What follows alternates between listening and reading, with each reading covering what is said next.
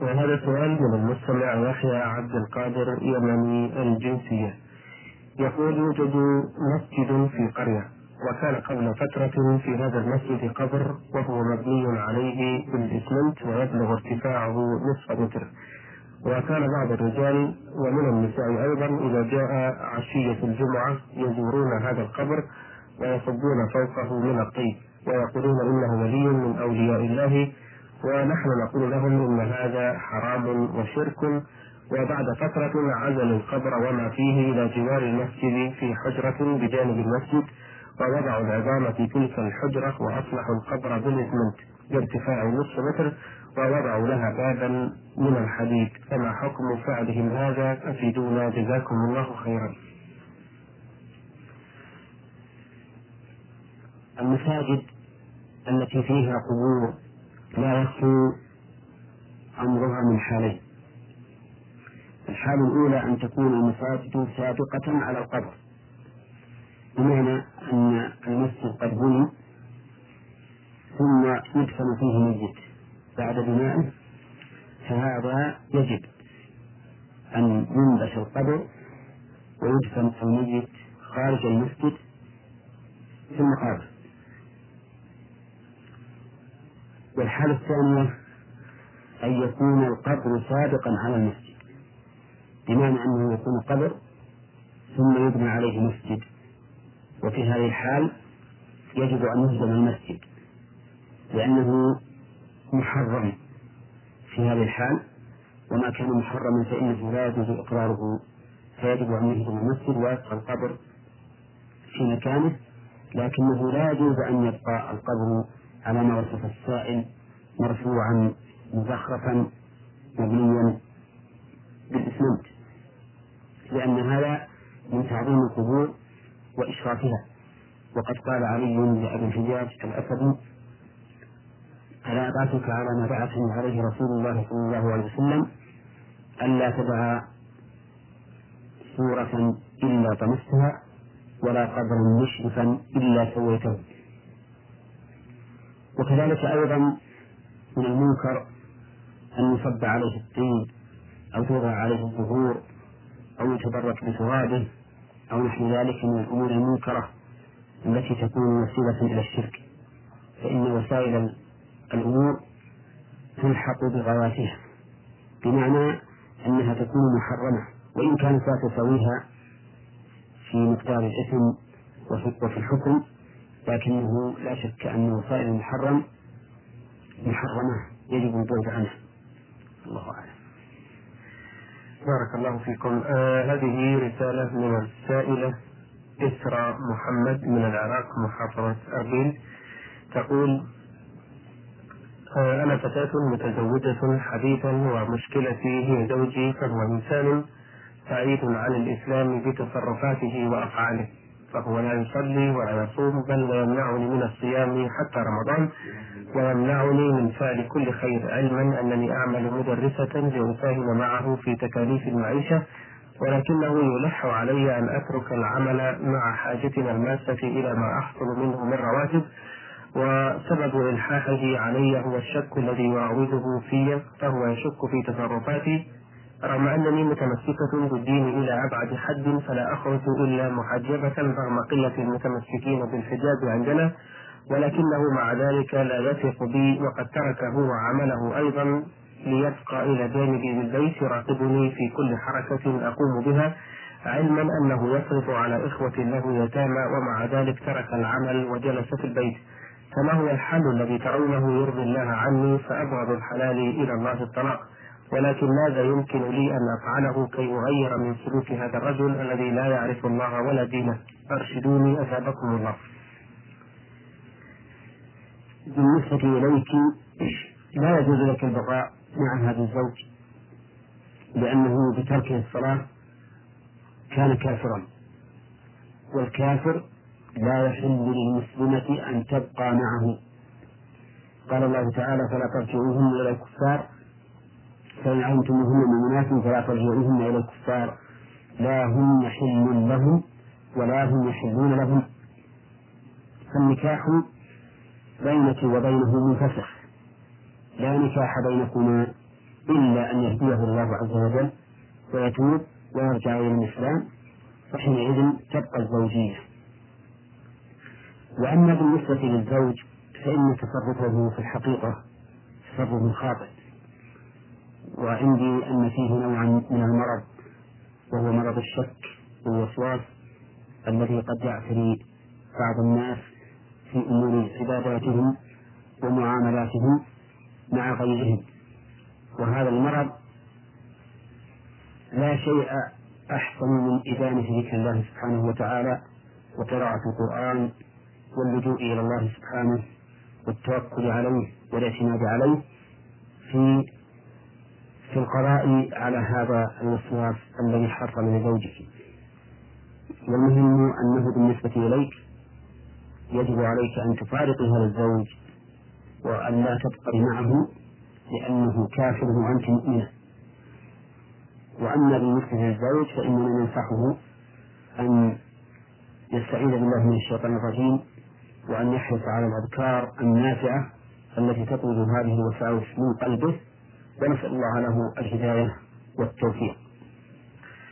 أحسن الله إليكم هذه رسالة من المستمع عثمان علي العميري من الثانوية التجارية بالرياض. يقول هل يثاب الإنسان الذي يقرأ القرآن ولو لم يفهم معانيه؟ القرآن الكريم مبارك كما قال الله تعالى كتاب أنزلناه إليك مبارك ليدبروا آياته وليتذكر أولو الألباب فالإنسان مأجور على قراءته سواء فهم معناه أم لم يفهم. ولكن لا ينبغي للمؤمن أن يقرأ قرآنا مكلفا بالعمل به بدون أن يفهم معناه. فالإنسان لو أراد أن يتعلم الطب مثلا ودرس كتب الطب فإنه لا يمكن أن يستفيد منها حتى يعرف معناها وتشرح له. بل هو يحرص كل الحرص على أن يفهم معناها من أجل أن يطبقها.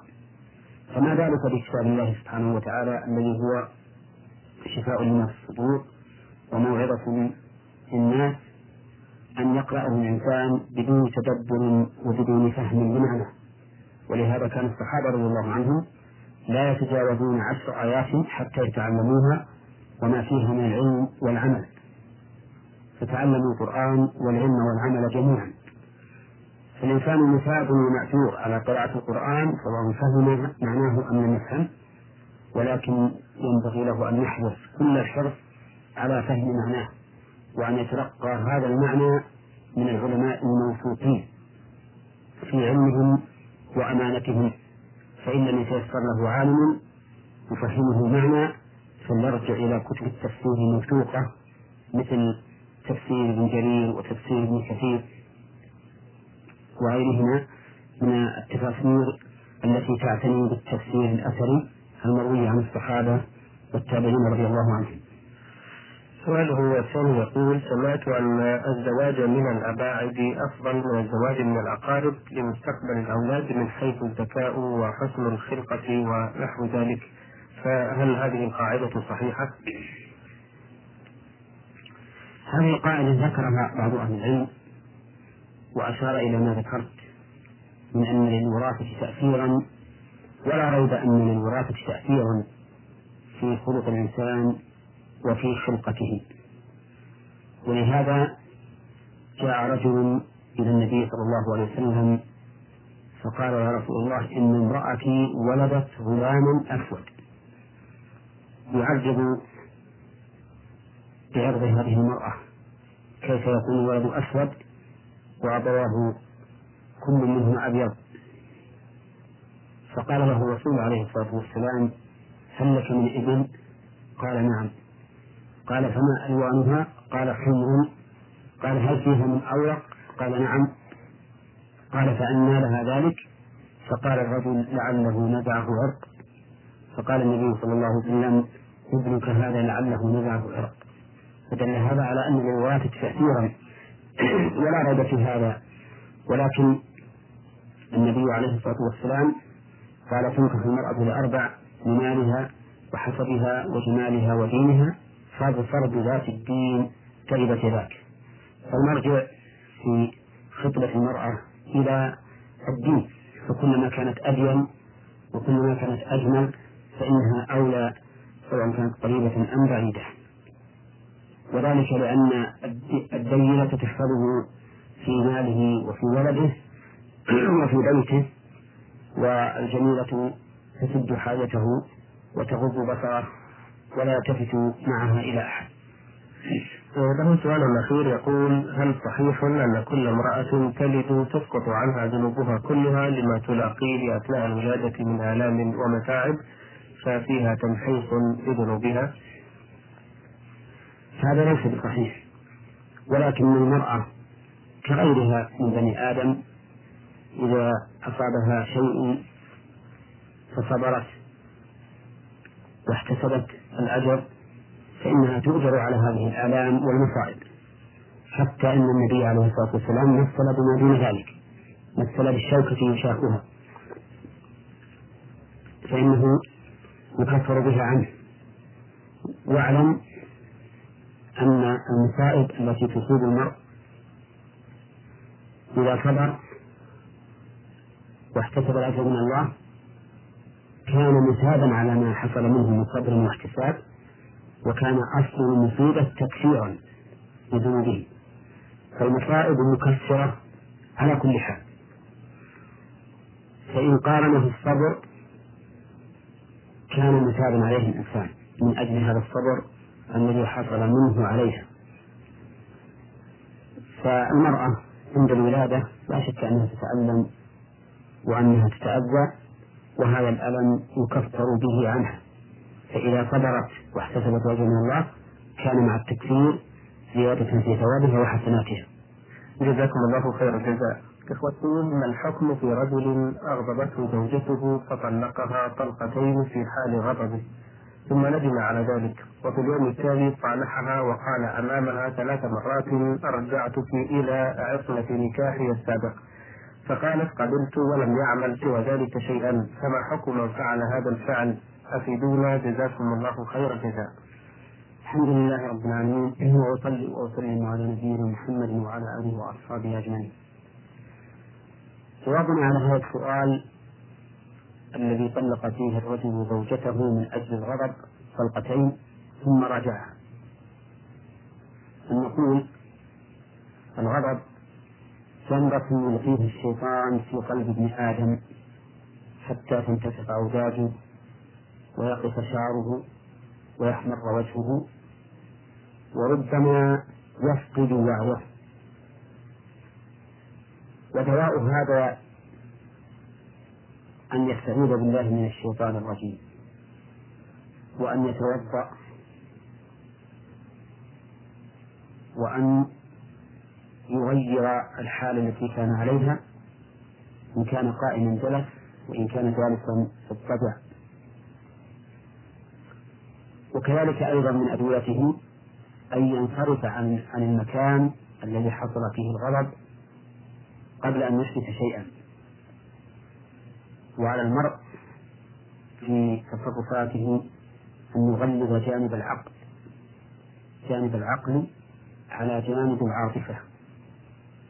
لأن العاطفة تجرف بالإنسان وتلقيه في الهاوية وما أكثر الناس الذين يأتون ليزيلوا آثار غضبهم من طلاق وغيره فعلى المرء أن يتقي الله تعالى في نفسه وأن يأخذ بوصية النبي صلى الله عليه وسلم حين جاءه رجل فقال أوصني قال لا تغضب.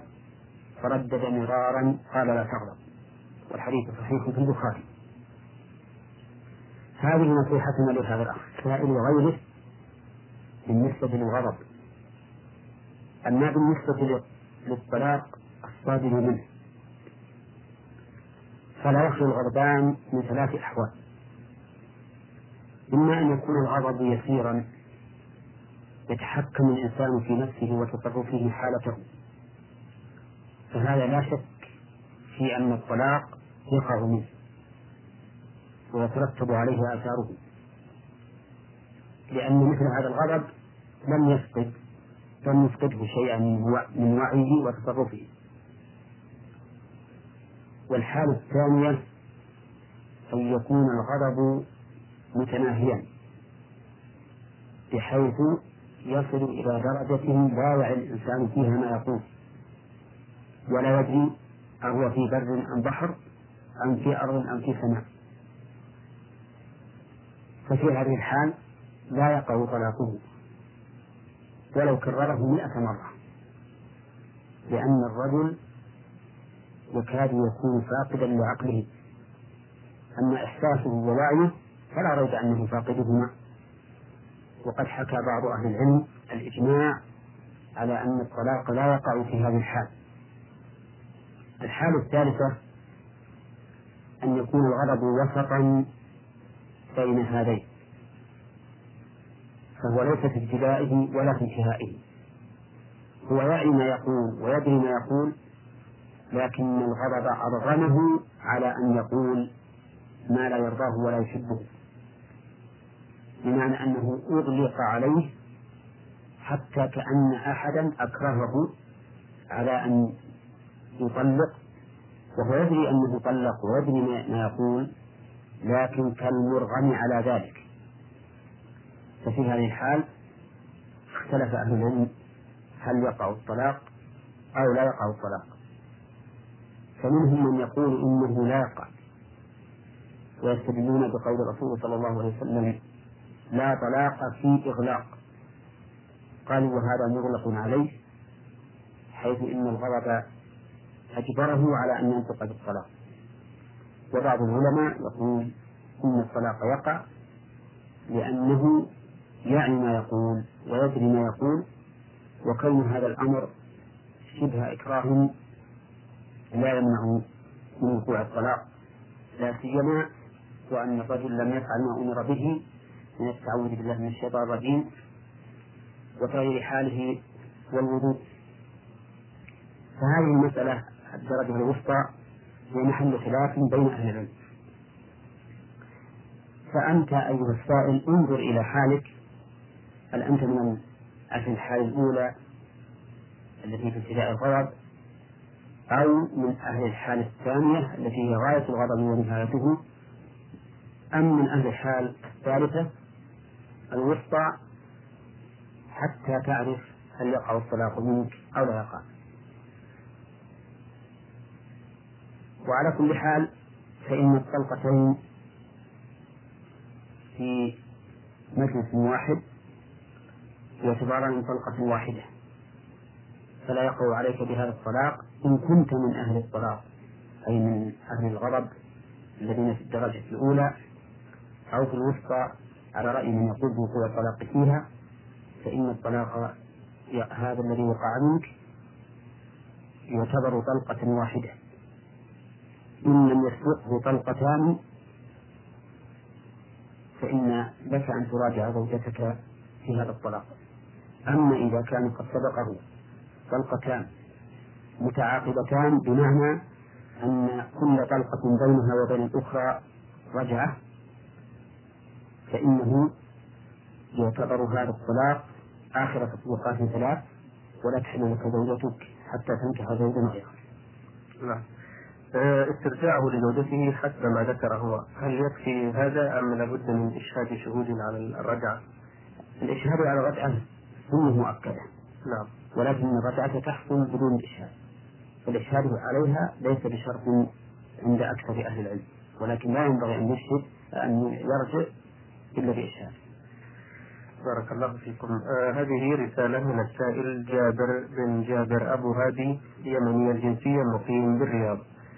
يقول لقد ورثت بيتا من المرحومة والدتي وقد انهدم هذا البيت وجددت عمارته ويوجد بجانبه قبور كثيرة وبينما كنا نحفر أساسه عثرنا على عظام بالية يبدو أنها من القبور المجاورة. فأخذت هذه العظام ودفنتها في مكان آخر بعيدا عن البيت وقد أكملت عمارته مع العلم أن بيوتنا تقع كلها بجوار قبور وقد ورثنا هذه البيوت عن أجدادنا ولا نملك بيوتا غيرها ولا أرضا لنبني فيها بعيدا عن هذه المقابر. فهل يحق لنا السكن في هذا البيت؟ وهل نقلي لهذه العظام إلى مكان جديد ليس عليه فيه إثم أم لا؟ أفيدونا بارك الله فيكم. إذا كانت هذه القبور قبور المسلمين فإن أصحابها أحق بالأرض منكم لأنهم لما دفنوا فيها ملكوها. ولا يحل لكم أن تبنوا بيوتكم على قبور المسلمين. ويجب عليكم إذا تيقنتم أن هذا المكان فيه قبور يجب عليكم أن ترفعوا البناء وأن تدعوا القبور. لا بناء عليه. وكونه لا بيوت لكم لا يقتضي أن تحتلوا بيوت غيركم من المسلمين فإن القبور بيوت الأموات. ولا يحل لكم أن تسكنوها ما دمتم عالمين بأن فيها أمواتا وبقي علينا تنبيه وهو قولك المرحومة والدتي المرحومة. فإن بعض الناس ينكر هذا اللفظ. يقولون إننا لا نعلم هل هذا الميت من المرحومين أو ليس من المرحومين وهذا الإنكار في محله إذا كان الإنسان يخبر خبرا عن أن هذا الميت قد رحم لأنه لا يجوز أن نخبر أن هذا الميت قد رحم أو عذب بدون علم. قال الله تعالى ولا تقف ما ليس لك به علم. لكن الناس لا يريدون بذلك الإخبار قطعا. الإنسان الذي يقول المرحوم الوالد أو المرحومة الوالدة أو المرحومة الأخت أو الأخ أو ما أشبه ذلك لا يريدون بهذا الجزم أو الإخبار أنهم مرحومون وإنما يريدون بذلك الدعاء أن, أن الله تعالى قد رحمهم والرجاء وفرق بين الدعاء والخبر. ولهذا نحن نقول فلان رحمه الله فلان غفر الله له. ولا فرق من حيث اللغة العربية بين قولنا فلان المرحوم وفلان رحمه الله. لأن جملة رحمه الله جملة خبرية والمرحوم بمعنى الذي رحم فهي أيضا خبرية ولا فرق بينهما أو بين مدلوليهما في اللغة العربية. فمن منع المرحوم يجب أن يمنع فلان رحمه الله. على كل حال نقول لا إنكار في هذه الجملة أي في قولنا فلان المرحوم وفلان المغفور له. وما أشبه ذلك؟ لأننا لسنا نخبر بذلك خبرا ونقول إن الله قد رحمه وإن الله قد غفر له ولكننا نسأل الله ونرجو فهو من باب الرجاء والدعاء وليس من باب الإخبار. وفرق بين هذا وهذا. جزاكم الله خيرا. هذه رسالة من السائلة هي من العراق محافظة نينوى. تقول توفي شخص وترك خمسة أولاد وثلاث بنات منهم ابن وبنت من زوجة أخرى. وقد ترك للجميع ميراثا وترك لهذين الابن والبنت قدرا باسمهم وعدد ثلث المال. فعلما أن عمرهما لا يتجاوز الخمس سنين وترك هذا المال وديعة عند ابن أخيه. فقام أحد أولاد المتوفى الكبار ونقض الوصية المتروكة مع هذا المال بحجة أنه يعرف حديثا عن الرسول صلى الله عليه وسلم يقول فيه لا وصية لوارث. وقد سألوا أحد العلماء عندهم فقال يجب أن يبقى المال عند المودع حتى يبلغ الصغار. وسألوا آخر فقال يجب أن يضم هذا الثلث إلى جميع الميراث وتوزع على جميع الورثة. فما هو الحكم الشرعي في هذا وماذا يفهم من الحديث الشريف لا وصية لوارث؟ هذه الوصية غير صحيحة وهي باطلة لأن الله سبحانه وتعالى قسم الميراث وقال آباؤكم وأبناؤكم لا تدرون أيهم أقرب لكم نفعا فريضة من الله. إن الله كان عليما حكيما هكذا ختم آية ميراث الأصول والفروع. ومنهم ومنه هذه المسألة التي ذكرها السائل. فالله تعالى قد فرغ للأولاد ميراثهم. فلا يجوز لنا أن نتعدى ما فرض الله سبحانه وتعالى. والنبي صلى الله عليه وسلم أكد ذلك في قوله إن الله قد أعطى كل ذي حق حقه فلا وصية لوارث فهذه الوصية التي أوصى بها الأب لأبنائه لابنيه الصغيرين دون بقية أولاده هي وصية باطلة محرمة. نعم إن ثبت أن هذا المال قد حصل لهذين الابنين بطريق آخر غير طريق الأب كما لو كان قد ورثاه أو وهب لهما بالذات. إذا ثبت هذا فهو لهما وليس وصية من قبل أبيهما. لكن إذا كان وصية من قبل الأب لا يستحقان يستحقانه من مال الأب المسروق فإنها وصية باطلة ولبقية الورثة الحق في إبطال هذه الوصية ورد هذا المال إلى التركة ليقسم بينهم على كتاب الله تعالى. ولكني أرى أن من الأحسن أن ينفذ وصية والدهما لا سيما أن إخوتهما هذا أن أخويهما هذين صغيران فهما محل الرحمة لأنهما إذا كانوا صغيرين فهما يتيمان. والله تعالى قد أوصى باليتامى خيرا.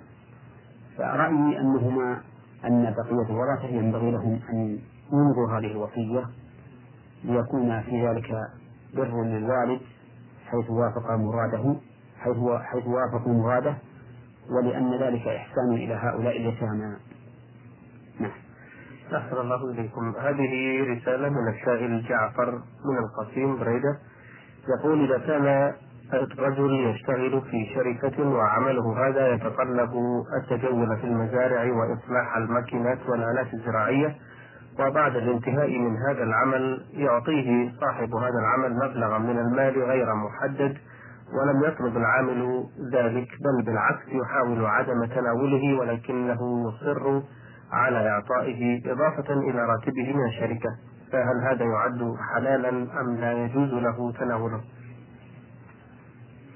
الورع أن لا يقبل هذا الشيء وأن يدعه لأن النبي صلى الله عليه وسلم بعث عاملا على الصدقة يقال له عبد الله بن مكية فلما رجع بالصدقة قال هذا لكم وهذا أهدي إلي فخطب النبي عليه الصلاة والسلام وأنكر ذلك.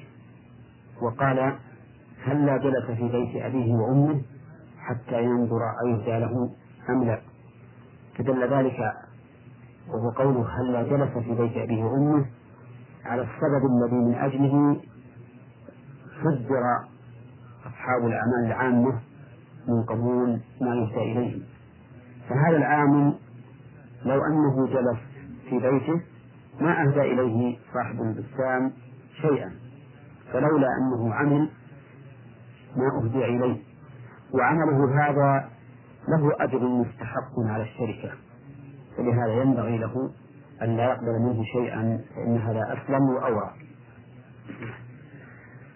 هذه رسالة من السائل محمد العوضي العفيفي مصري يعمل بالعراق يقول تزوجت ابنة خالتي وأنجبت طفلين وبعد ذلك علمت أنها رضعت من أمي مع أخي وأنا رضعت من أمها مع أخيها ثم تركتها بعد ذلك بسبب الرضاعة ولكن حينما سألت بعض الناس قالوا لي ما دام الرضاع لم يكن بينكما مباشرة وإنما مع أخيك وأخيها فلا يحرم هذا. ثم استرجعتها بعد ذلك وأنجبت طفلين آخرين.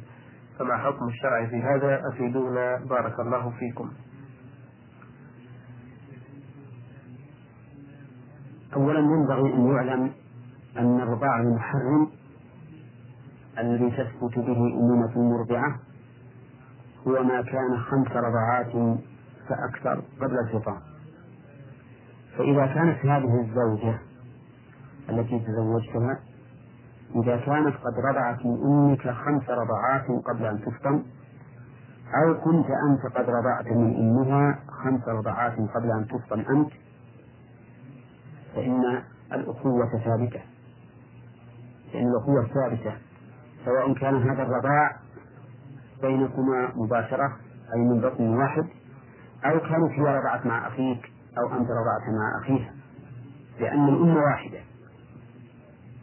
فهي لما أرضعتها أمك صارت بنتا لها. وإذا كانت بنتا لأمك فهي أخت لك. وأنت لما أرضعتك أمها صرت ابنا لأمها فأنت أخوها سواء رضعت معها أو مع ابن قبلها أو بعدها. ولكن المدار الآن على عدد الرضعات التي صارت منك أو منه إن كنت رضعت من أمها خمس رضعات فهي لا تحل لك لأنها أختك. وإن كانت قد رضعت من أمك خمس رضعات فإنها لا تحل لك أيضا لأنها أختك. سواء كانت رضعت من اللبن الذي نشأ من الحمل فيك أو رضعت من اللبن الذي نشأ من الحمل فيها أو رضعت من لبن سابق أو أو لاحق وكذلك هي. فالمهم يجب عليك الآن أن تبحث هل وقع الرضاع خمس مرات؟ منها لأمك أو منك لأمها. إن كان الأمر كذلك فإنه فالنكاح باطل ويجب عليك أن تفارقها ولكن الأولاد أولاد شرعيون لك لأن هذا الذي لأنهم خلقوا من ماء من ماء يعتقد الواطئ أنه حلال. وهذا وطئ بشبهة فيكون الأولاد لك.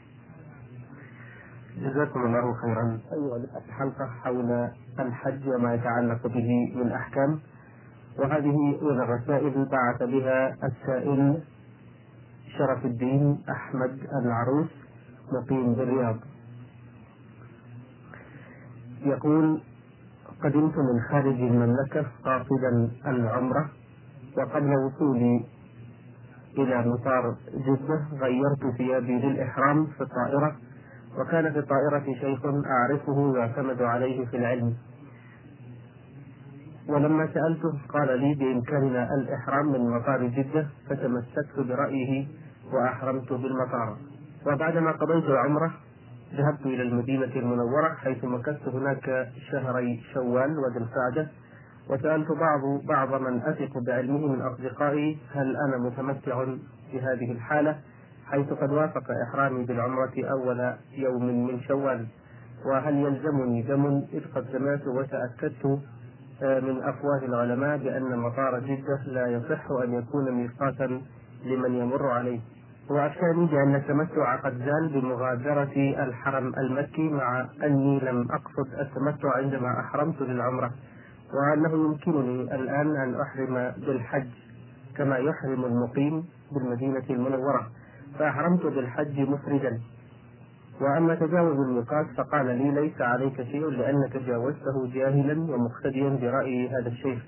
واطمأننت في ذلك وأديت مناسك حجي ولكن بعض زملائي لا يزالون يشكلون علي ويناقشوني بأنه كان يلزمني الدم بأحد الأمرين. أرجو أن تزيلوا عني هذا الشك بإجابة شافية ونصيحة كافية. جزاكم الله خيرا. لله رب العالمين وأصلي وأسلم على نبينا محمد وعلى آله وأصحابه أجمعين. هذا السؤال يتضمن شيئين. الشيء الأول أنك لم تحرم وأنت في الطائرة حتى وصلت إلى جدة. والثاني أنك عندما أحرمت بالعمرة تذكر أنك لم تنوي التمتع وأنك سافرت إلى المدينة وأحرمت من ذي الحليفة بالحج. فأما الأول فاعلم أن من كان في الطائرة وهو يريد الحج أو العمرة فإنه يجب عليه أن يحرم إذا حال الميقات أي إذا كان فوقه. ودليل ذلك قول النبي صلى الله عليه وسلم هن لهن ولمن أتى عليهن من غير أهلهن ممن يريد الحج أو العمرة. وقال عمر رضي الله عنه وقد جاءه أهل العراق يقولون له إن النبي صلى الله عليه وسلم وقت لأهل نجد قرنا وإنها جور عن طريقنا يا أمير المؤمنين. فقال رضي الله عنه انظروا إلى حذوها من طريقكم. فقوله رضي الله عنه انظروا إلى حدوها يدل على أن المحالاة معتبرة. سواء كنت في الأرض صح عليك الميقات عن يمينك أو شمالك أو كنت من فوق فحليته من فوق. وتأخيرك الإحرام إلى جدة معناه أنك تجاوزت الميقات بدون إحرام وأنت تريد عمرة. وقد ذكر أهل العلم أن هذا موجب للفدية وهي دم تذبحه في مكة وتوزعه على الفقراء. ولكن ما دمت قد سألت هذا الشيخ الذي ذكرت أنه قدوة وأنه ذو علم وأفتاك بأنه يجوز الإحرام من مطار جدة وغلب على ظنك رجحان قوله على ما تقرر عندك من قبل بأنه يجب عليك الإحرام إذا حليت الميقات. فإنه لا شيء عليك لأنك أديت ما أوجب الله عليك. في قوله تعالى فاسألوا أهل الذكر إن كنتم لا تعلمون ومن سأل من يظنه أهلا للفتوى فأفتاه فأخطأ فإنما إثمه على من أفتاه. أما هو فلا يلزمه شيء. لأنه أتى بما أوجب الله عليه. وأما الثاني وهو أنك ذكرت أنك تنوي التمتع وسافرت إلى المدينة وأحرمت بالحج من أبي من الحليفة أي من أبي علي فإنه يجب أن تعلم أن من قدم إلى مكة في أشهر الحج وهو يريد أن يحج فأتى بالعمرة قبل الحج فإنه متمتع. لأن هذا هو معنى التمتع. فإن الله تعالى يقول فمن تمتع بالعمرة إلى الحج فما استيسر من الهدي. ومعنى ذلك أن الإنسان إذا قدم مكة في أشهر الحج وكان يريده فإن المفروض أن يحرم بالحج ويبقى على إحرامه إلى يوم العيد. فإذا أتى بعمرة وتحلل منها صدق عليه أنه تمتع بها أي بسببها إلى العمرة إلى الحج أي إلى أن أتى وقت الحج. ومعنى تمتع بها؟ أنه تمتع بما أحل الله له حيث تحلل من عمرته فأصبح حلالا. الحل كله يتمتع بكل محظورات الإحرام. وهذا من نعمة الله سبحانه وتعالى أنه خفف عن العبد حتى أباح له أن يحرم بالعمرة في أشهر الحج. ليتحلل منها ويتمتع بما أحل الله له إلى أن يأتي وقت الحج. وعلى هذا فما كنت قادما من بلادك وأنت تريد الحج وأحرمت بالعمرة في أشهر الحج فأنت متمتع. سواء نويت أنك متمتع أم ممتنع لأن هذا الذي نويته هو حقيقة التمتع وسواء بقي في مكة بقي أن يقال نعم. بقي أن يقال هل سفرك إلى المدينة مسقط في الهدي عنك أم لا؟ فهذه المسألة فيها خلاف بين أهل العلم فمنهم من يرى أن الإنسان إذا سافر بين العمرة والحج مسافة قصر انقطع تمتعه وسقط عنه دم التمتع ولكن هذا قول ضعيف لأن هذا الشرط لم يذكر الله لم يذكره الله عز وجل في القرآن ولم ولم ترد به سنة النبي صلى الله عليه وسلم. وعلى هذا فلا يسقط الدم إذا سافر المتمتع بين العمرة والحج إلا إذا رجع إلى بلده. فإنه إذا رجع إلى بلده انقطع سفره برجوعه إلى بلده وصار منشئا للحج سفرا جديدا غير سفره الأول وحينئذ يسقط عنه حج التمتع لأنه في الواقع أتى بالحج أتى بالحج في سفر جديد غير السفر الأول فهذه الصورة فقط هي التي يسقط بها حج التمتع لأنه لا يسقط عليه لا لا يسقط عليه أنه تمتع بالعمرة إلى الحج حيث إنه انقطع حكم السفر في حقه وأنشأ سفرا جديدا في في حج حجه. نعم. بارك الله فيكم. آه هذه رسالة من المستمع عبد الرحمن عبد الهادي العتيبي من الجادية يقول ما مدى صحة الحديث الذي معناه أن من أراد أن يضحي أو يضحى عنه فلا يأخذ من شعره أو ظفره شيئا حتى يضحي؟ وذلك من أول أيام عشر ذي الحجة. وكيف ذلك؟ وما هي الأشياء التي يمتنع من سيضحي عن فعلها؟ وهل هذا النهي يصل إلى درجة التحريم أم أنه للاستحباب؟ وهل وهل يلتزم به المقيم والحاج على السواء أم هو خاص بالمقيم دون الحاج؟ هذا حديث صحيح. رواه مسلم. وحكمه التحريم. لأن النبي صلى الله عليه وسلم قال إذا دخل العشر وأراد أحدكم أن يضحي فلا يأخذن من شعره ولا من ظفره شيئا وفي رواية ولا من بشره. بشر الجلد يعني أنه لا ينكف شيئا من جلده كما يفعله بعض الناس ينكف من عقبه من قدمه. فهذه الثلاثة هي محل النهي الشعر والظفر والبشرة. والأصل في نهي النبي صلى الله عليه وسلم التحريم حتى يرد دليل يصرفه إلى الكراهة أو غيرها.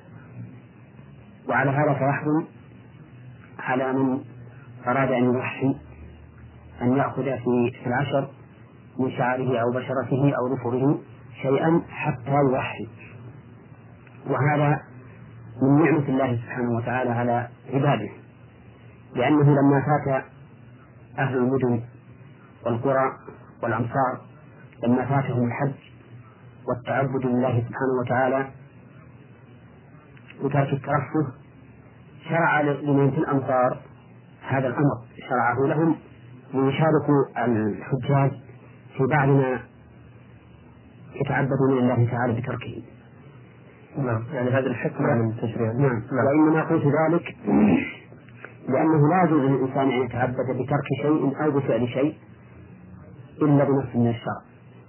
فلو أراد أحد أن يتعبد لله تعالى في خلال عشرة أيام بترك تقليم الأبصار أو الأخذ من شعره أو بشرته. لو أراد أن يتعبد بدون دليل شرعي لكان مبتدعا آثما. فإذا كان بمقتضى دليل شرعي كان مثابا مأثورا لأنه تعبد لله تعالى بهذا الترك. وعلى هذا فاجتناب الإنسان الذي يريد أن يضحي الأخذ من شعره وبشرته وبصره يعتبر طاعة لله ورسوله مثابا عليها. وهذه من نعمة الله بلا شك. وهذا الحكم إنما يختص بمن أراد أن يضحي فقط. أما أما من يضحى عنه فلا حرج عليه أن يأخذ. لا حرج عليه. ذلك لأن الحديث إنما ورد وأراد أحدكم أن يضحي فقط. فيقتصر على ما جاء به نفسه ثم إنه قد علم أن الرسول عليه الصلاة والسلام كان يضحي عن أهل بيته. ولم ينقل أنه كان ينهاهم عن أخذ شيء من شعورهم وأفعالهم وأبشارهم. فدل هذا على أن هذا الحكم خاص بمن يريد أن يضحي فقط. ثم إن المراد من أراد أن يضحي من نفسه. لا من أراد أن يضحي وصية لآبائه أو أجداده أو أحد من أقاربه فإن هذا ليس مضحي في الحقيقة ولكنه وكيل لغيره. فلا يتعلق به حكم الأضحية. ولهذا لا يثاب على هذه الأضحية ثواب المضحي إنما يثاب يثاب عليها ثواب ثواب المحسن الذي أحسن إلى أمواته سؤاله الآخر يقول فيه آه، سورة الإخلاص يقال إنها تمثل أو تعدل ثلث القرآن فهل صحيح هذا وأن من يقرأها ثلاث مرات كأنه قرأ القرآن كله؟ صحيح أن ثلث أن قل هو الله أحد تعدل ثلث القرآن ثبت ذلك عن النبي صلى الله عليه وسلم في صحيح البخاري وغيره. ولكن ليس معنى المعادلة أنها تجزئ عن القرآن. فإن المعادلة قد لا يراد قد فإن المعادلة قد لا تكون مجزئة. وانظر إلى ما ثبت به الحديث عن النبي صلى الله عليه وسلم من أن قول لا إله إلا الله وحده لا شريك له له الملك وله الحمد وهو على كل شيء قدير عشر مرات يعدل عتق أربعة أنفس من ولد إسماعيل. ومع ذلك لو قال الإنسان هذا الذكر مئة مرة أو أكثر لم يجزئه عن عتق رقبة في كفارة. فالمعادلة معادلة الشيء بالشيء لا تقتضي إجزاء الشيء عن الشيء. فنحن نقول كما قال النبي صلى الله عليه وسلم إن نقول هو الله أحد تعدل ثلث القرآن. لكننا نقول إن قراءتها لا تجزئ عن قراءة القرآن بل لا بد من هذا وهذا. ولذلك لو أن الإنسان قرأها في صلاته ثلاث مرات ولم يقرأ الفاتحة ما صحت صلاته. ولو كانت تجزئ عن القرآن لقلنا إنك إذا قرأتها ثلاث مرات في الصلاة أجزأتك عن الفاتحة ولا قائل بذلك من أهل العلم. أحسن الله إليكم. أيها الإخوة الكرام بقي للأخ السائل شيء يقول إذا كان الشخص ليس على طهارة وعنده ماء ولكنه بارد لا يستطيع استعماله فماذا يفعل؟ وإذا تيمم فهل تجوز صلاته أم لا بد أن يقضيها حال دفء الماء أو تسخينه الحمد لله رب العالمين وصلي وسلم على نبينا محمد وعلى آله وأصحابه أجمعين. هذا يقول إنه عنده ماء بارد لا يتمكن من استعماله فهل يجوز أن يتيمم؟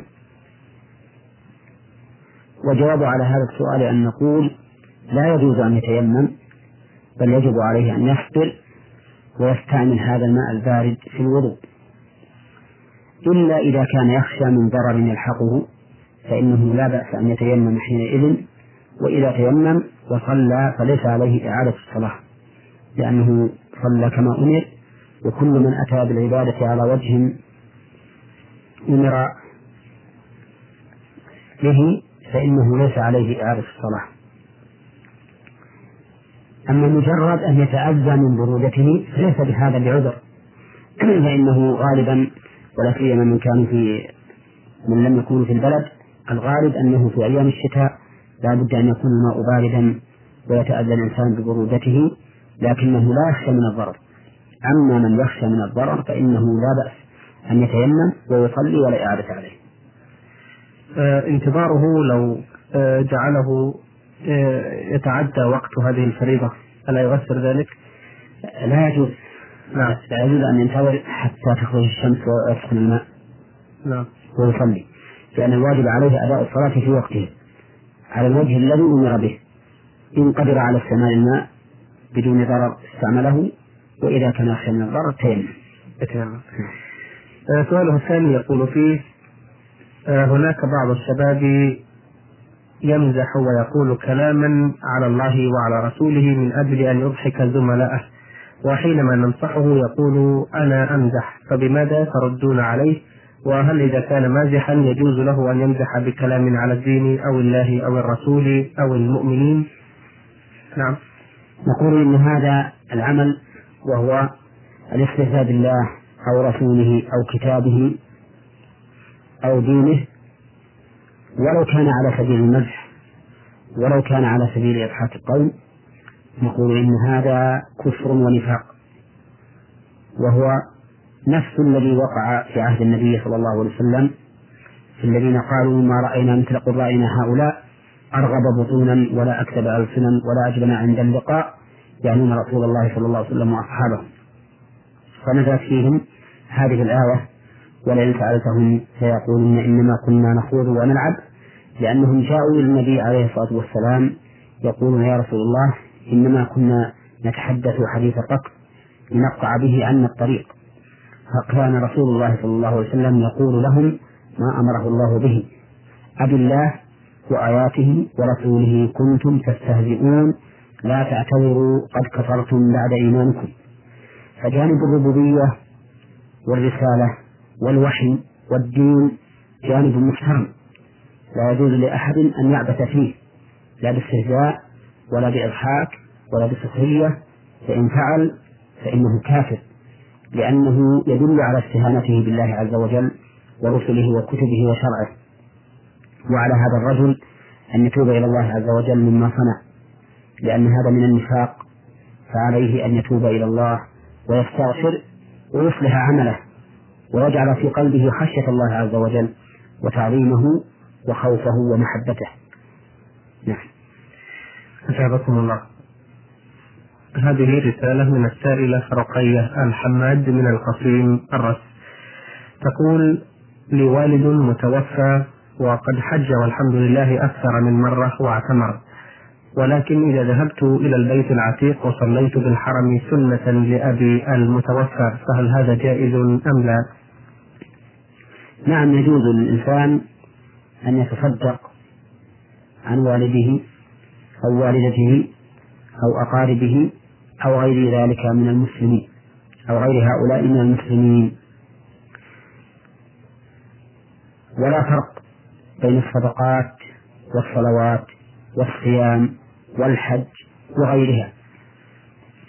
ولكن السؤال الذي ينبغي أن نقوله هل هذا من الأمور المشروعة أو من الأمور الجائزة غير المشروعة؟ نقول إن هذا من الأمور الجائزة غير المشروعة وأن المشروع في حق الولد أن يدعو لوالده دعاء إلا في الأمور المفروضة فإنه يؤدي عن والده ما افترض الله عليه ولم يؤده كما لو مات وعليه الصيام فقد قال النبي عليه الصلاة والسلام من مات وعليه الصيام صام عنه وليه؟ ولا فرق في ذلك بين أن يكون الصيام صيام فرض بأصل الشرع كصيام رمضان أو صيام فرض بإلزام الإنسان نفسه كما في صيام النذر. فهنا نقول إن إهداء القرب أو ثوابها إلى الأقارب ليس من الأمور المشروعة بل هو من الأمور الجائزة. والمشروع هو الدعاء. لقول النبي صلى الله عليه وسلم إذا مات العبد انقطع عمله إلا من ثلاث صدقة جارية أو علم ينتفع به من بعده أو ولد صالح يدعو له. فقال أو ولد صالح يدعو له ولم يقل أو ولد صالح يصلي له أو يصوم له أو يتصدق عنه. فدل هذا على أن أفضل ما نحله الولد لأبيه أو أمه بعد الموت هو الدعاء. أو ولد صالح يدعو له. فإذا قال قائل إننا لا نستطيع أن نفهم أن يكون هذا الشيء جائزا وليس بمشروع. وكيف يمكن أن نقول إنه جائز وليس بمشروع؟ نقول نعم إنه جائز وليس بمشروع. جائز لأن النبي صلى الله عليه وسلم أذن فيه. فإن رجلا جاء إلى النبي صلى الله عليه وسلم وقال إن أمي افتلتت نفسها وأظنها لو لو تكلمت وتصدقت أفأتصدق عنها؟ قال نعم. وكذلك سعد بن عبادة رضي الله عنه حيث جعل لأمه نخله صدقة لها فأقره النبي صلى الله عليه وسلم على ذلك. ولكن النبي صلى الله عليه وسلم لم يأمر أمته بهذا أمرا يكون تشريعا لهم. بل أذن لمن استأذنه أن يفعل هذا. ونظير ذلك لأن الشيء يكون جائزا وليس بمشروع. قصة الرجل الذي بعثه النبي صلى الله عليه وسلم على سرية فكان يقرأ لأصحابه ويختم بقل هو الله أحد. فلما رجعوا أخبروا النبي صلى الله عليه وسلم بذلك فقال سألوه لأي شيء كان يصنعه؟ فقال إنها صفة الرحمن وأنا أحب أن أقرأها. فقال النبي صلى الله عليه وسلم أخبروه أن الله يحبه. فأقر النبي عليه الصلاة والسلام عمله هذا وهو أنه يختم قراءة الصلاة بقل هو الله أحد. ولكن الرسول صلى الله عليه وسلم لم يشرع إذ لم يكن عليه الصلاة والسلام يختم صلاته بقل هو الله أحد ولم يأمر أمته بذلك. فتبين بهذا أن من الأفعال ما يكون جائزا فعله ولكنه ليس بمشروع. بمعنى أن الإنسان إذا فعله لا ينكر عليه ولكنه لا يطلب منه أن يفعله. فإهداء القرب من صلاة وصدقة وصيام وحج للوالدين والأقارب هو من الأمور الجائزة ولكن الأفضل من ذلك هو أن يدعو لهم لأن هذا هو الذي أرشد إليه الرسول عليه الصلاة والسلام في قوله أو ولد صالح يدعو له نعم آه، هل قراءة القرآن تدخل في هذا؟ هناك من يقرأ القرآن بكامله ثم يهديه إلى شخص ميت قريب له. نعم قراءة القرآن تدخل في ذلك لأن القرآن فيه أجر عظيم.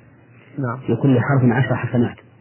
ولكن لا يدخل في ذلك ما يفعله بعض الناس يستأجر قارئا يقرأ القرآن للميت. نعم. فإن هذا من البدع وليس فيه أجر لا للقارئ ولا للميت. ذلك لأن القارئ قرأ للدنيا فقط للمال وكل عمل صالح يقصد به الدنيا فإنه لا يقرب إلى الله ولا يكون فيه ثواب عند الله. وعلى هذا فيكون هذا العمل يعني استئجار شخص ليقرأ القرآن على روح الميت يكون هذا العمل ضائعا. ليس فيه سوى إتلاف المال على الورثة. فليحذر منه. فإنه بدعة ومنكر. آه، للأخت السائلة آه، سؤال آخر ولكن أعتقد تضمنته الإجابة. في السؤال الأول وهو سؤالها عن آه، جواز تأدية عمرة لوالدها المتوفى نعم. سؤالها الأخير تقول فيه إذا أسميت طعاما أو أي شيء ودفعت ودفعته إلى بعض اليتامى أو الجيران المستحقين وقلت أجره لوالدي المتوفى ولكن هذا المال من مال زوجي وليس من مالي الخاص فهل يجوز هذا ويصل أجره إلى والدي أم لا آه، أما إهداء الثواب أو الأجر للوالد فهو على ما تقدم في جوابنا. أنه يصل ولكن هذا ليس من الأمر المشروع الذي يطلب من الإنسان فعله. وأما كونه من مال زوجك فإذا كان الزوج قد أذن بذلك ورضي فإنه لا حرج. نعم. هذه رسالة من السائلة ميم ألف عين من محايا العسير آه، لها سؤالان. تقول في سؤالها الأول إنها أم لطفلين وقد طلقها زوجها ولكنها وقت الطلاق كانت غير طاهرة ولم تخبر زوجها بذلك. آه، حتى حينما ذهبوا إلى القاضي أخفت ذلك عنه إلا عن أمها التي قالت لها لا تخبري القاضي بذلك وإلا فلن تطلقي. ثم ذهبت إلى أهلها ولكنها تريد الرجوع إلى زوجها حفظا لأطفالها من الضياع والإهمال فما حكم هذا الطلاق الذي وقع وبها العادة الشهرية؟ هذا الطلاق الذي وقع على المرأة العادة الشهرية اختلف فيه أهل العلم وطال فيه النقاش بينهم هل يكون طلاقا ماضيا أو طلاقا لاغيا فجمهور أهل العلم على أنه يكون طلاقا ماضيا ويحسب على المرء طلقة ولكنه يؤمر بإعادتها وأن يتركها حتى تطهر من الحيض ثم تحيض ثم تحيض المرة الثانية ثم تطهر ثم إن شاء أمسك بعد وإن شاء طلق. هذا الذي عليه جمهور أهل العلم ومنهم الأئمة الأربعة الإمام أحمد الشافعي ومالك وأبو حنيفة. ولكن الراجح عندنا ما اختاره شيخ الإسلام ابن تيمية رحمه الله من أن الطلاق في الحيض لا يقع ولا يكون ماضيا. ذلك لأنه خلاف أمر الله ورسوله. وقد قال النبي صلى الله عليه وسلم من عمل عملا ليس عليه أمرنا فهو رد. والدليل لذلك في نفس المسألة الخاصة حديث عبد الله بن عمر حيث طلقها حيث طلق زوجته وهي حائض فأخبر عمر النبي صلى الله عليه وسلم بذلك فتغير فيه رسول الله صلى الله عليه وسلم وقال له مره فليراجعها ثم ليتركها حتى تطهر ثم تحيض. ثم تطهر ثم إن شاء أمسك بعد وإن شاء طلق. قال النبي صلى الله عليه وسلم فتلك العدة التي أمر الله أن تطلق لها النساء. فالعدة التي أمر الله أن تطلق لها النساء أن يطلقها الإنسان طاهرا من غير جناح. وعلى هذا فإذا طلقها وهي حائض فقد طلقها على غير أمر الله تبارك وتعالى فيكون مردودا فهذا الطلاق الذي وقع على هذه المرأة نرى أنه ليس بطلاق ماض وأنه لا يحتسب شيئا وأن المرأة ما زالت في عصمة زوجها. لا عبرة بعلم الرجل بتطليقه لها بأنها طاهرة أو غير طاهرة؟ نعم لا عبرة بعلمه. لكن إن كان يعلم صار عليه الإثم وعدم الوقوع. نعم. وإن كان لا يعلم فإنه ينتفي وقوع الطلاق ولكن لا إثم على الزوج. آه، سؤالها الأخير تقول فيه هل السفر بدون إذن الزوج إلى بيت الأهل جائز؟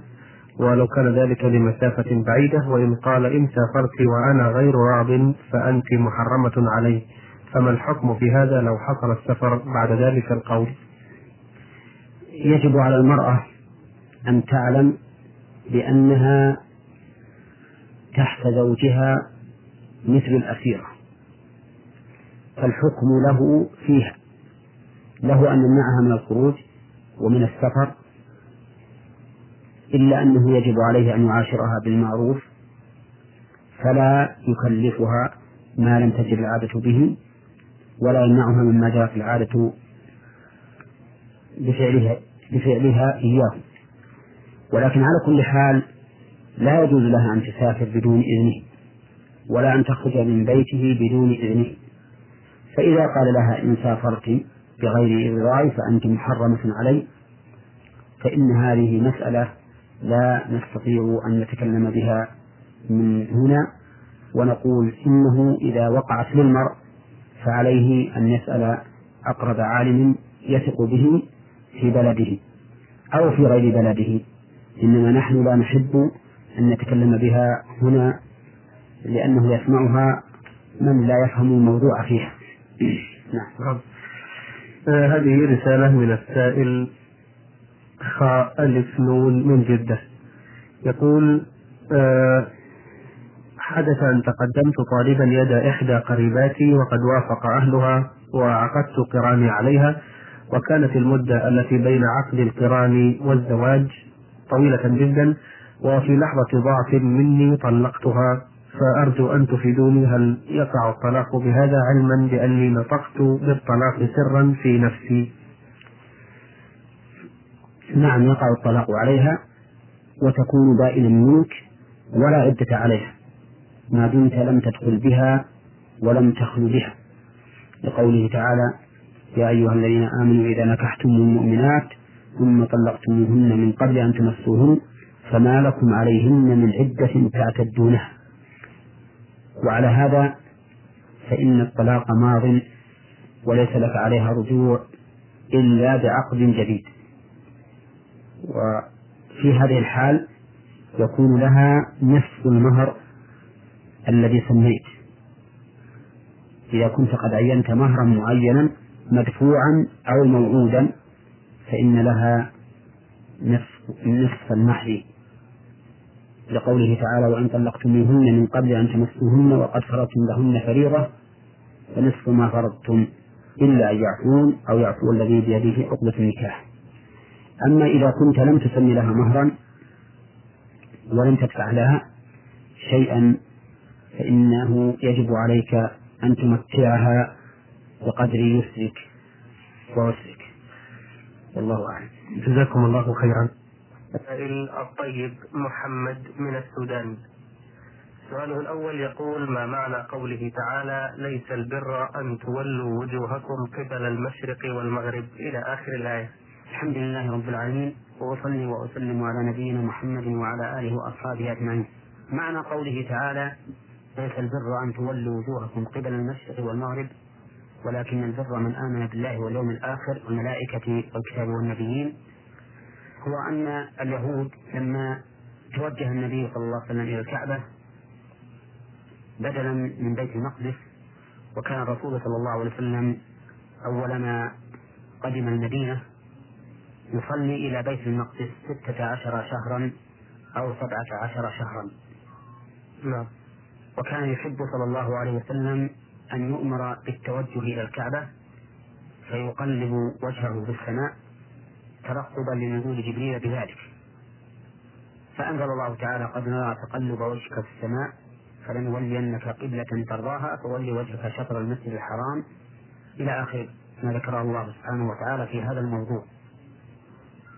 فتوجه النبي صلى الله عليه وسلم إلى الكعبة. فكان اليهود ينتقدون ذلك. وهو أنه اتجه أولا إلى بيت المقدس ثم اتجه ثانيا إلى الكعبة. فبين الله تعالى أن الاتجاه إلى المشرق أو المغرب ليس هو البر ولكن البر طاعة الله سبحانه وتعالى والإيمان به. ولكن البر من آمن بالله واليوم الآخر والملائكة والكتاب والنبيين إلى آخر الآية. والمعنى ولكن البر هو بالإيمان بالله واليوم الآخر والملائكة والكتاب والنبيين الإيمان الذي يستلزم امتثال أمر الله تعالى واجتناب نهيه فهذا هو حقيقة البر. نعم. بارك الله فيكم. السؤال الثاني يقول ما الفرق بين الغيبة والبهتان وما حكمهما وماذا يفعل من عزم على التوبة منهما؟ الغيبة فسرها رسول الله صلى الله عليه وسلم بقوله ذكرك أخاك بما يكره. نعم. مما يتصف به من العيوب الخلقية أو الخلقية. فهذه هي الغيبة. في غيبته. أن تذكر أخاك نعم. بما يكره في غيبته ولهذا قيل لها غيبة. وأما إذا ذكرته بنكرة في مقابلته فإنه يسمى سبا وشتما. وهذا إذا كان المذكور متصفا بما قلت فيه. أما إذا كان غير متصف فإنه يكون بهتانا أي كذبا. ولهذا قيل للرسول عليه الصلاة والسلام أرأيت إن كان في أخي ما أقول قال إن كان فيه ما تقول فقد اغتبته وإن لم يكن فيه ما تقول فقد ذهبته. إذا فالفرق بين الغيبة والبهتان. أن الغيبة أن يكون الرجل الذي وقعت عليه الغيبة متصفا بما ذكر فيه.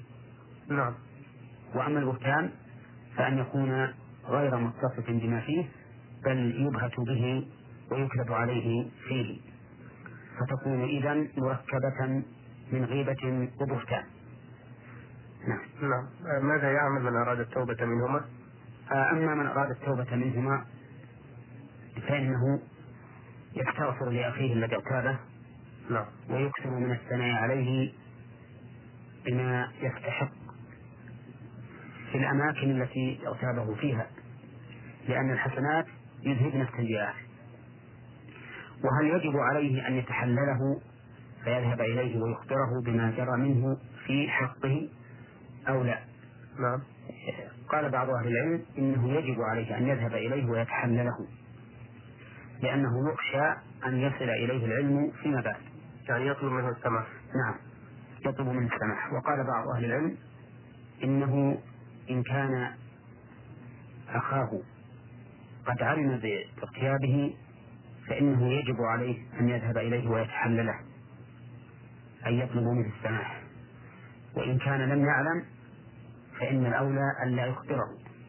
لأنه ربما لو أخبره لركب رأسه ولم يسمح له وحصل بينهما عداوة وبغضاء فيكون هو السبب في إثارة هذه العداوة والبغضاء. وهذا القول هو هو الراجح. أنه لا يخبره بل يستغفر له ويثني عليه بما يستحق. في المجالس التي اغتابه فيها. اللهم إلا إذا كان يخشى أن يصل إليه العلم أو نحو ذلك من الأمور التي تحتاج إلى استحلال فإنه لا بد أن يستحلها نعم. جزاكم الله خيرا. هذا سؤال من المستمع. سين صاد كاف مصري مقيم بالمملكة العربية السعودية. يقول في سؤاله الأول بعد عقد القران وقبل الدخول على زوجتي حلفت بالطلاق للإقلاع عن عادة سيئة كنت أمارسها بقولي تكون امرأتي طالقا إليها ولكنني رجعت إليها مرة أخرى واستمرت حياتنا الزوجية كالعادة. فما الحكم في هذه اليمين؟ مع العلم أنه كان بيني وبين نفسي دون علمها ولا علم وليها. وعند البداية للحلف بالطلاق هذا كانت النية ليست بغرض الطلاق ولكن للإقلاع عن هذه العادة. وسبب استمراري في حياتنا الزوجية أنني أجبت بأن اليمين ما دام ليس أمامها فلا يقع. راجيا زيادة الإطمئنان والإفادة منكم أفادكم الله وجزاكم عنا أحسن الجزاء. هذا السؤال أقدم له مقدمة وهي أنه قد كثر من الناس في الآونة الأخيرة الحلف بالطلاق. نعم. فصار الإنسان منهم يرسل لسانه في هذا الأمر في أتفه الأمور وربما يجعله طلاقا بائنا بالثلاث. وهذا أمر ينبغي للمرء أن ينزه لسانه عنه لأن الحلف المشروع إنما يكون بالله سبحانه وتعالى لقول النبي صلى الله عليه وسلم من كان حالفا فليحلف بالله أو ليصمت. فإذا أردت أن تحلف فاحلف بالله سبحانه وتعالى فقل والله لا أفعلن كذا أو والله لا أفعلن كذا أو باسم آخر من أسماء الله تعالى أو بصفة من صفاته. أما أن تحلف بالطلاق أو بالعتق أو بغير ذلك فإنه خلاف ما أمر به النبي صلى الله عليه وسلم. فنصيحتي لإخواننا أن لا يوصلوا ألسنتهم بمثل هذه اليمين ثم أعود لأجيب السائل عن سؤاله فأقول غريب منك أيها الأخ أن يكون مبادرتك لزوجتك التي عقدت عليها ولم تدخل بها محاولة الطلاق لها فتحلف الطلاق فهل صبرت على الأقل إلى أن تدخل بها ويمضي وقت؟ فالطلاق ليس أمرا هينا يتلاعب به المرء عند أكثر الأمور. ولهذا نجد كثيرا من الناس الذين لا يهتمون بهذا الأمر والذين يطلقون طلاقا منجزا غير معلق ولا مقصود من اليمين نجدهم دائما يندمون ويذهبون إلى عتبة كل عالم لعلهم يجدون الخلاص. ولو أنهم رجعوا إلى أنفسهم وملكوها عند الغضب لكان ذلك أولى بهم وأجدر أما بالنسبة لمسألتك فإنه ما دمت قاصدا الامتناع من هذه من هذا العمل. السيء فإن هذا الطلاق المعلق حكمه حكم اليمين. إذا خالفت ما حلفت عليه وجب عليك كفارة يمين وهي عتق رقبة أو إطعام عشرة مساكين أو كسوتهم فإن لم تجد فصيام ثلاثة أيام متتابعة ولا فرق بين أن تقول ذلك وزوجتك لم تسمع أو تقول ذلك وهي أمامك تسمع لا فرق. وإفتاء من أفتاك بأنه حيث كان بينك وبين نفسك لم تواجه به الزوجة فإنه يكون يمينا. هذه الفتوى فيها نظر لأنه لا فرق إذا قصدت اليمين بين أن تقولها لزوجتك مواجهة أو تقولها في مكان لا يسمعك أحد أو تقولها في مكان سمعك غير الزوجة. هذا الحكم فيما إذا كان كلامه لنفسه مع نفسه كلاما منطوقا نطق به. نعم نعم. نطق به وأما ما حدث به نفسه فإنه لا يؤاخذ به. لقول النبي صلى الله عليه وسلم إن الله تجاوز عن أمتي ما حدثت به أنفسها ما لم تعمل أو تتكلم. نعم بارك الله فيكم. سؤاله الثاني يقول آه، هل إذا أوقع زوج على زوجته بما يحمل معنى الطلاق بأن قال لها مثلا وهو يؤكد لها بأنه سوف يرسل لها ورقتها ومفهوم لديها أن ورق أن الورقة تعني ورقة الطلاق. فهل يعد هذا طلاقا أم لا؟ إذا قال الزوج سأرسل ورقة الطلاق أو سأطلقك نعم أو الورقة إجمالا نعم. أو الورقة التي يفهم منها ورقة الطلاق. نعم. فإن هذا وعد بالطلاق وليس إيقاعا له ولا يقع عليه بذلك طلاق. فلو أراد أن يرجع عن نيته هذه فلا حرج عليه. أما إذا قال لزوجته قد طلقتك وتأتيك ورقة الطلاق فيما بعد فإن الطلاق يقع.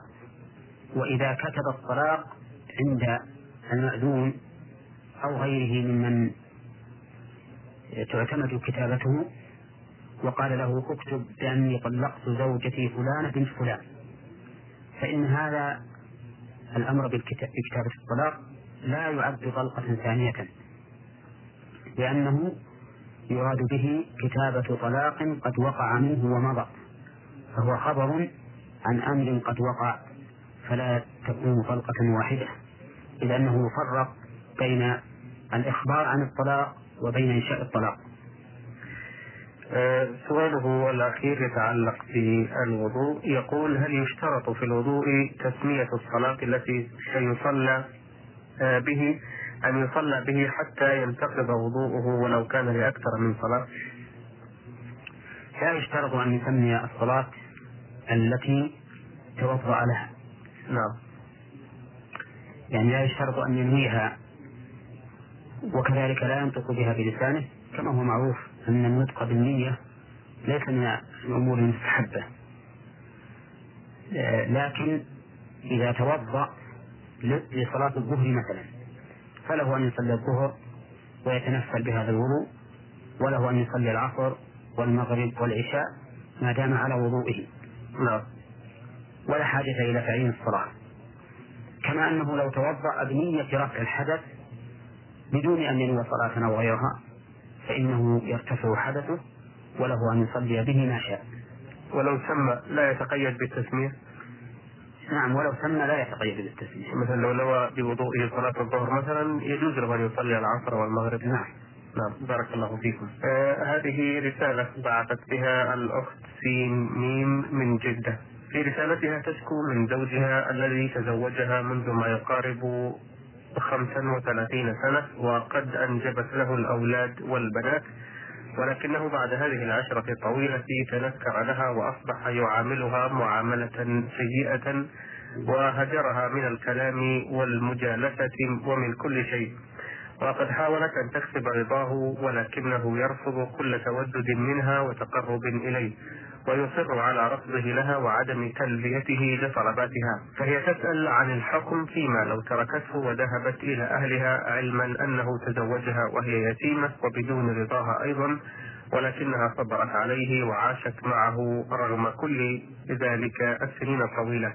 وترجو أيضا إسداء نصيحة إلى هذا الزوج وأمثاله لعل الله أن يهديه. النصيحة لهذا الزوج أن يتذكر قول الله عز وجل وعاشروهن بالمعروف فإن كرهتموهن فعسى أن تكرهوا شيئا ويجعل الله فيه خيرا كثيرا. وأن يتذكر قول النبي صلى الله عليه وسلم اتقوا الله في النساء فإنكم أخذتموهن بأمانة الله واستحللتم فروجهن بكلمة الله. وعليه إذا كان قد هجرها لسبب يظنه مبيحا للهجر أن يحاول إصلاح الأمر ببيان السبب لها من أجل معالجته. وأما أن يكف عنها هكذا فليس هذا من العشرة بالمعروف. أما بالنسبة لها فإنه يجب عليها أن تصبر على ما حصل من زوجها وأن تتقي الله سبحانه وتعالى في أولادها. والذي أرى لها أن تبقى في بيت الزوج صابرة محتسبة للأجر حتى لا يتفرق الأولاد وتتشتت العائلة ولكل شيء غاية ونهاية. ودوام الحال كما قيل من المحال. نعم. آه، هذا سؤال من المستمعين يا نون من الطائف الشهداء الجنوبية. يقول لقد رضعت ابنة خالتي من أمي في يوم واحد مرتين أو ثلاث مرات. مع أخي الذي هو أكبر مني بفارق أربعة أولاد وقد تزوجت ابنة خالتي على رجل آخر وأنجبت بنتا فتزوجت أنا ابنتها أي ببنت البنت فهل يجوز لذلك أم لا؟ ينبغي أن يعلم بأن الرضاع المحرم الذي يثبت به كون الرضيع ابنا للمرضعة يشترط فيه أن يكون خمس رضعات فأكثر قبل الفطام وحسب سؤال السائل فإن هذه هذه الطفلة التي صارت أما لم ترتضع من أمه إلا ثلاث رضعات فقط. وعلى هذا فلا تكون أختا له. بل هي بنت خال خالته ويجوز له أن يتزوج ابنتها لعدم ثبوت الرضاع المحرم. وقبل إنهاء الجواب أذكر المستمعين أن كثيرا من العامة يظنون أن البنت إذا ارتضعت من أم الإنسان مع ولد أكبر منه فإنها لا تكون أختا له. وهذا خطأ عظيم. فإن أي طفل رضع من أمك فإنه يكون أخا لك سواء ارتضع من اللبن الذي نشأ من الحمل بك أو ارتضع من لبن سابق أو لاحق. المهم أنه متى ارتضع رضاعا معتبرا من أمك قبلك أو بعدك أو معك. فإنه يكون أخا لك من الرضاعة. ويكون كذلك أيضا أخا لأولاد زوجها الذي نشأ لبنها منه. يكون أخا لهم من الأب لأن أباهم واحد.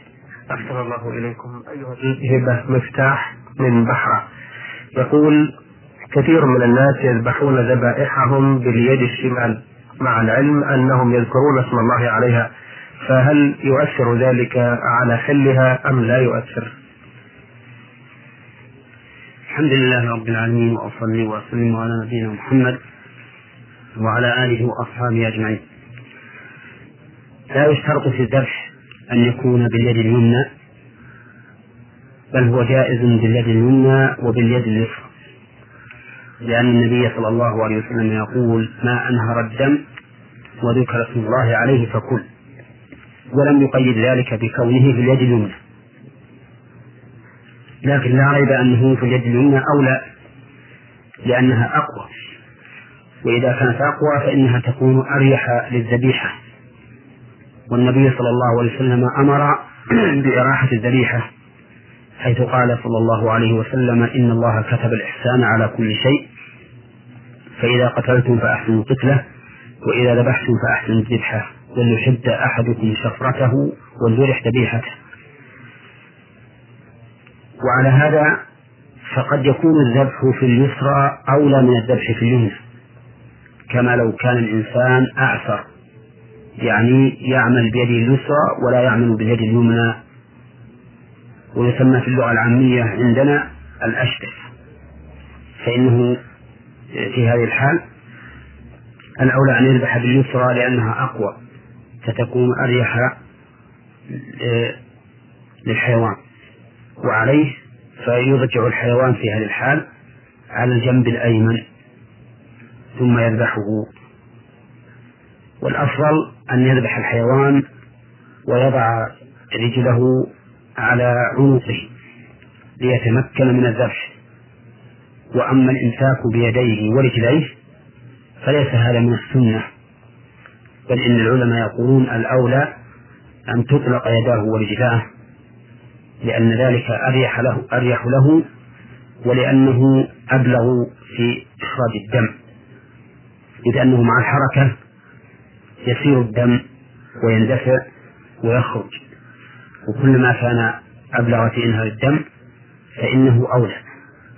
عكس ما يفعله العامة الآن حيث يربضون عليه إذا أرادوا ذبحه ويمسكون بيديه ورجليه فربما يؤلمونه قبل أن يذبحوه. كذلك بعض العامة يأخذ بيد الحيوان ويرويها على عنقه من الخلف. وهذا أيضا أقل ما نقول فيه إنه مكروه لأنه بلا شك إذا روى يده على عنقه من الخلف فإن ذلك يؤلمه ويؤذيه.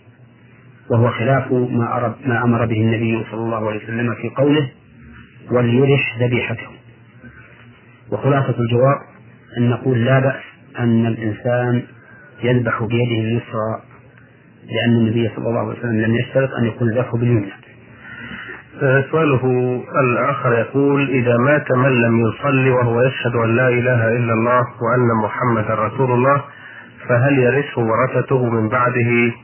وإن إن كانوا صالحين وهل ميراثهم حلالا؟ وهل تجوز الصلاة عليه؟ وهل تتبع جنازته؟ أفيدونا أفادكم الله.